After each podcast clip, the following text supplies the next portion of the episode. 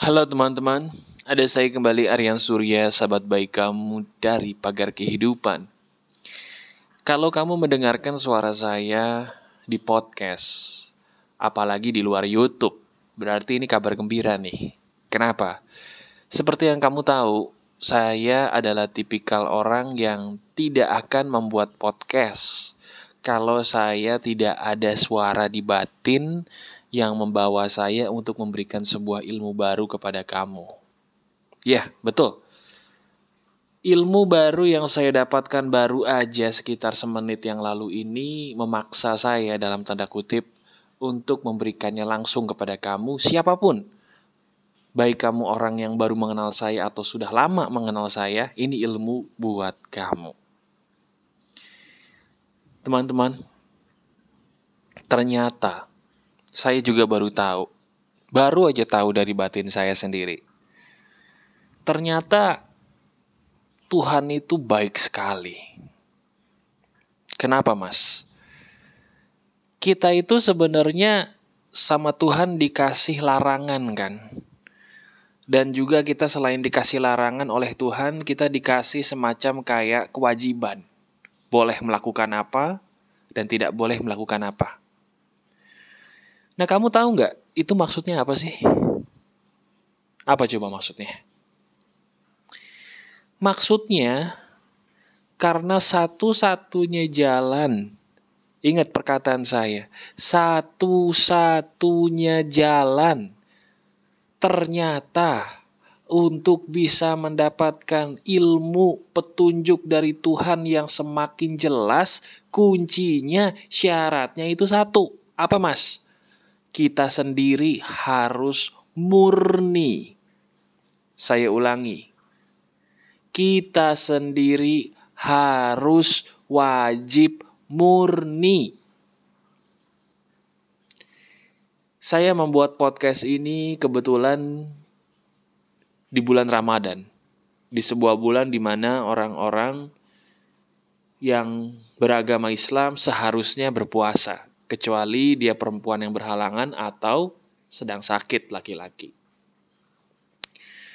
Nah, apa pun keyakinan ataupun kepercayaan kamu, coba deh kita berpikir bersama-sama dengan saya, ya. Saya sebagai orang muslim diwajibkan oleh Tuhan saya untuk berpuasa. Wajib hukumnya dalam satu bulan dari 12 bulan yang ada, satu bulan di bulan ini wajib hukumnya berpuasa. Kalau enggak dosa. Kenapa? Betul sekali. Jawabannya bukan karena Tuhan itu iseng. Bukan karena Tuhan itu pengen kita susah. Bukan. Tapi jawabannya justru karena Tuhan itu sayang banget sama kita. Coba kita pikirin bersama-sama. Kita kalau berpuasa itu kan nggak boleh makan, nggak boleh minum, dan harus mengendalikan hawa nafsu. Baik hawa nafsu seks maupun hawa nafsu yang berhubungan dengan sifat-sifat kita yang buruk. Ngomongin orang, gosipin orang, marah, dan sebagainya. Sekarang kita pikir-pikir deh. Bukankah sebenarnya semua larangan itu tujuannya supaya kita kembali murni menjadi nol? Sadar nggak bahwa murni itu adalah jalan yang paling terang yang sebenarnya selama ini kita butuhkan? Bahkan kalau kita ngelihat agama lain, kita ambil contoh satu Buddha contohnya. Bagi kamu orang Buddhis, saya paham betul bahwa dalam agama Buddhis itu tidak boleh yang namanya manusia itu ada kemelakatan dalam hidupnya. Maka dari itu kalau kita lihat para biksu dan biksuni itu sampai memotong rambut mereka, bahkan sampai tidak boleh sama sekali yang ada hubungannya dengan kemelekatan itu ada dalam diri mereka. Kemelekatan itu kan sebenarnya sumber dari ketidakmurnian. Setuju? Sementara ketika kemelekatan itu dihapus dari tubuh kita, bukankah kita menjadi murni? Kalau gitu kita sama dong antara kamu sebagai seorang Buddhis contohnya, sama saya sebagai seorang Muslim contohnya, kita sama dong. Kita sama-sama menjadi orang yang tujuannya adalah memurnikan diri, betul nggak? Begitu juga dengan keyakinan lain kan. Ambil contohnya, misalnya Nasrani. Nasrani adalah Katolik, ada Protestan. Kalian juga ada tuh yang namanya puasa, tapi bedanya puasa kalian tidak seperti kami. Puasa kalian mungkin ada yang namanya puasa daging atau puasa sekali makan kenyang. Saya tahu betul itu. Tapi kan tujuannya intinya sama. Supaya kalian menghindari yang namanya kemelekatan dan menjadi murni. Hindu pun begitu kan? Ada yang namanya hari raya nyepi. Kenapa kamu sebagai orang Hindu di hari raya nyepi harus menyepi? Tujuannya untuk memurnikan diri, betul apa tidak? Konghucu pun begitu. Ada ritual-ritualnya yang intinya sama. Kita memurnikan diri. Nah yang lucunya nih, ada hal lucu, tapi lucunya pakai tanda kutip. Apa itu mas? Kalau kita ini sebenarnya sama, kenapa kita ribut sih? Saya ulangi, kalau kita semua ini barusan sudah membuktikan dasarnya kita tujuannya sama, menjadi orang yang murni, kenapa kita ribut mulu? Emang harus kita debat untuk membuktikan apa yang kita peluk itu benar.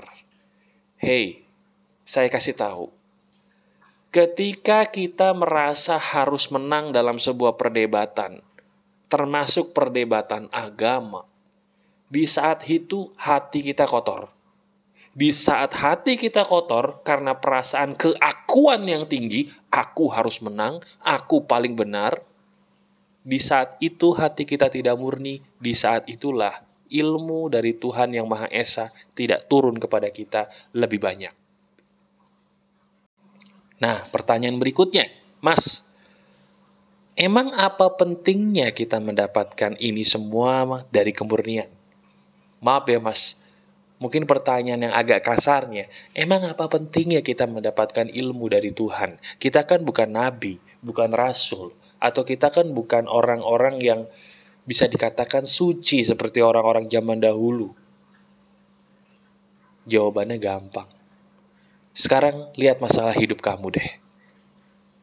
Yang bisa mengobati masalah hidup kita itu cuma petunjuk dari Tuhan saya ulangi, lihat masalah kita. Yang bisa mengobati masalah kita itu hanya petunjuk dari Tuhan. Petunjuk dari Tuhan itu adalah ilmu dari Tuhan yang kita dapatkan dari kemurnian kita tadi. Paham tidak?